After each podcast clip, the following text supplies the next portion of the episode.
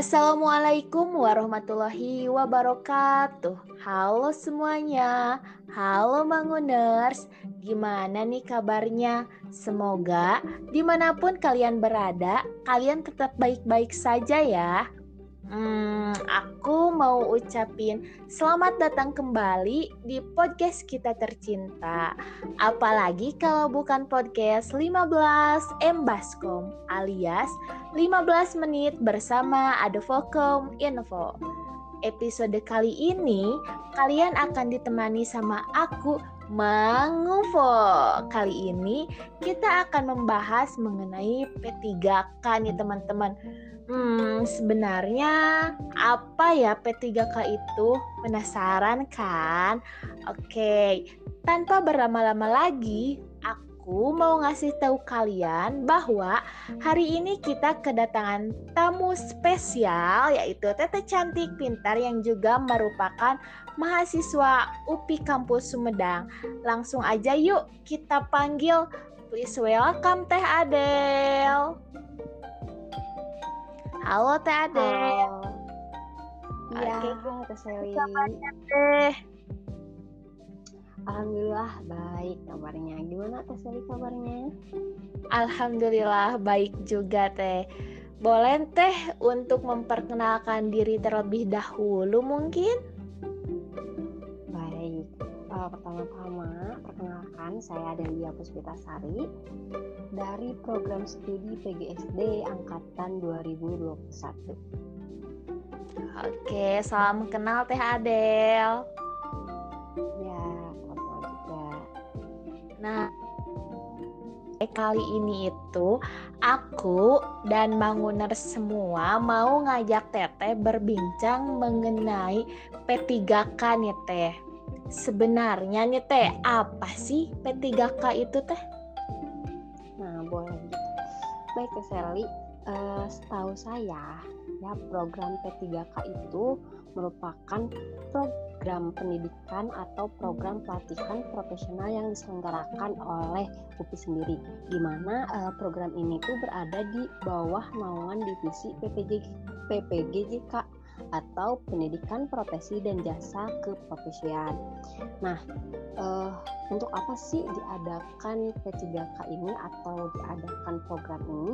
Nah, program ini diadakan itu untuk bertujuan supaya memberikan bekal dan juga memberikan pengalaman yang lebih mendalam untuk mahasiswa-mahasiswa UPI supaya tahu gitu bagaimana sih lingkungan sekolah yang asli itu seperti apa gitu Teh Sally.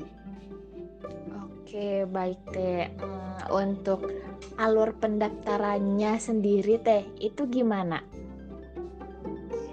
Kalau untuk pendaftaran sendiri ya, yang pertama-tama itu kita mengisi Giform dulu. Biasanya setiap Kamda atau setiap prodi itu pasti menyediakan Giform gitu ya untuk kita memilih kita akan ikut program apa gitu. Nah, lalu setelah kita mengisi Giform, kita akan dikasih jadwal gitu oleh prodi. Nah, setelah kita dapat jadwal dari prodi itu, baik Eselina untuk alur pendaftarannya itu yang pertama kita akan mengisi Giform terlebih dahulu. Nah, Giform itu biasanya disediakan oleh kaprodinya masing-masing gitu ya. Setelah kita mengisi Giform, maka kita akan dapat jadwal. Lalu setelah kita dapat jadwal, kita akan mengisi IRS seperti biasa. Nah, setelah masa IRS selesai, kita lalu menghubungi dosen pendamping lapangan untuk kita dapat kelompok dan juga sekolahnya gitu ya. Nah setelah kita uh, pembagian kelompok dan juga pembagian sekolahnya selesai, lalu kita mengunjungi website Edu untuk membuking sekolah yang telah kita dapat di jadwal tadi. Nah setelah kita dapat uh, booking sekolah, kita itu ada pengarahan dulu dari pusat gitu atau pembekalan terlebih dahulu kepada uh, peserta gitu. Nah setelah pembekalan selesai, lalu kita ada penyerahan oleh DPL ke pihak sekolah dan setelah diserahkan oleh DPL atau dosen pendamping lapangan ya kita mengadakan atau melakukan program itu dengan baik seperti itu mungkin alurnya. Uh, untuk penempatan sekolah sendiri itu satu sekolahnya itu terdiri kuotanya itu berapa orang ya teh? Untuk sekolahnya itu biasanya satu kelompoknya itu 5 sampai enam orang. Jadi untuk satu sekolah itu menampung dua kelompok jadi eh, kisaran 10 sampai 12 orang gitu dalam satu sekolah yang bisa diterima Oke, ya teh siap bisa dimengerti. Nah, untuk jenjang sekolahnya sendiri, oh itu di untuk itu sih dicampur jadi ada yang misalkan saya kan dari PGSD jadi otomatis nanti ke PGSD juga gitu dan tapi dicampur ada yang ke SMP ke SMA atau bahkan ke sesuai bidangnya gitu sesuai prodinya gitu bebas gitu ada nggak harus ke SD aja oke oke. Jadi ada bermacam jenjang pilihan pendidikan ya teh. Oke, nah untuk peserta yang ingin mengikuti P3K ini sendiri, itu siapa aja sih teh yang boleh daftar gitu? Nah, untuk siapa sih yang dapat ikut itu bebas ya. Asalkan mahasiswa UPI. Jadi baik dari Kamdal maupun dari pusat itu bisa ikut program ini. Seperti itu, Teh. Oke, tadi udah tahu siapa aja yang bisa mengikuti P3K. Nah, sekarang nih eh, untuk informasinya kita itu bisa mendapatkan informasi tentang P3K di mana? Nah, untuk informasinya sih kalian bisa ngupdate di IG ya. Langsung aja cari PPGJK gitu atau enggak di Instagram, lalu Twitter juga ada. Bahkan kita punya grupnya gitu di Telegram. Jadi tinggal dicari aja PPGJK atau P3K UPI tahun 2023 atau mungkin nanti tahun 2024 seperti itu. Oke, siap. Terima kasih infonya. Nah, mungkin ini pertanyaan agak personal ya, Teh.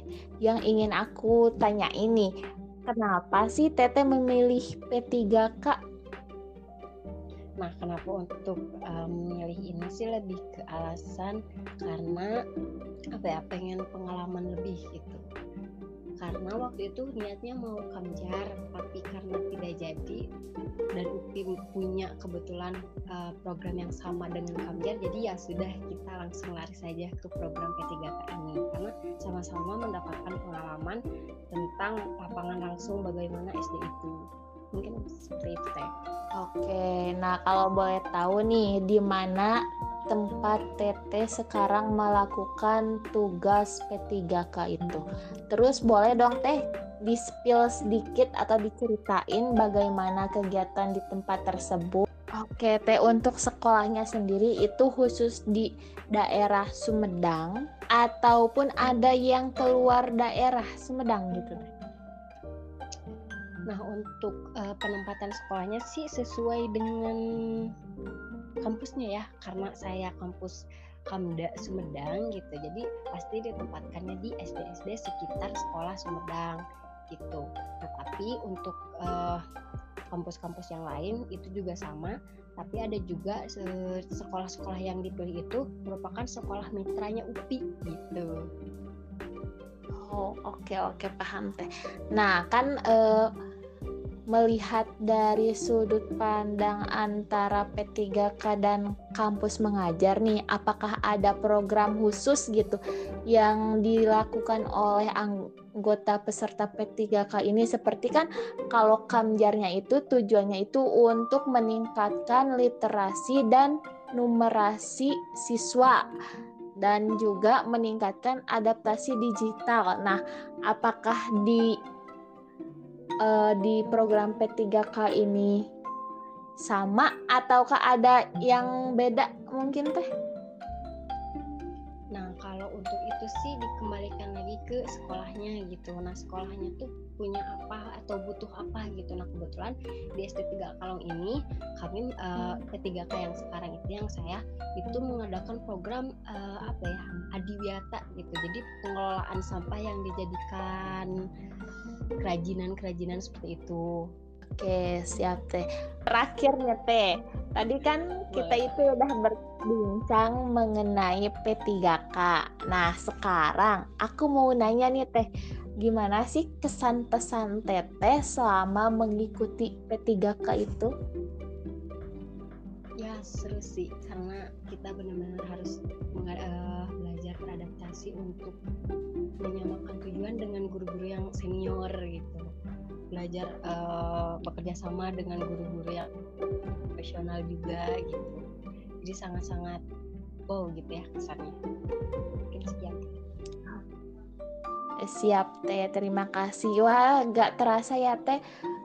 Waktu udah berjalan cepat nih teh. Jadi mungkin pertemuan kita di podcast kali ini cukup sampai sini teh.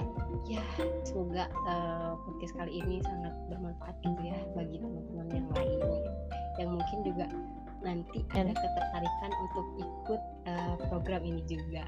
Iya, kebetulan juga sekarang itu kan lagi pada sibuk-sibuknya ya Teh. Ada yang daftar Kamjar, lagi tes kebinekaan malahan kemarin aku lihat. Nah, terus juga yang MSIB masih ada yang kebingungan mau daftarnya di mana, di sektor apa gitu ya.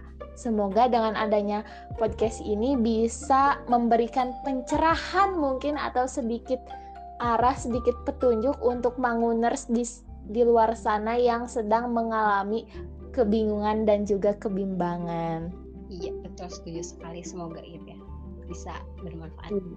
dan juga bisa menginspirasi. Iya, betul. Sekali lagi, terima kasih Teh Adel yang sudah berkenan menyempatkan diri untuk bisa join di podcast kita kali ini dengan Manguners. Ya, sama-sama Teh Seli.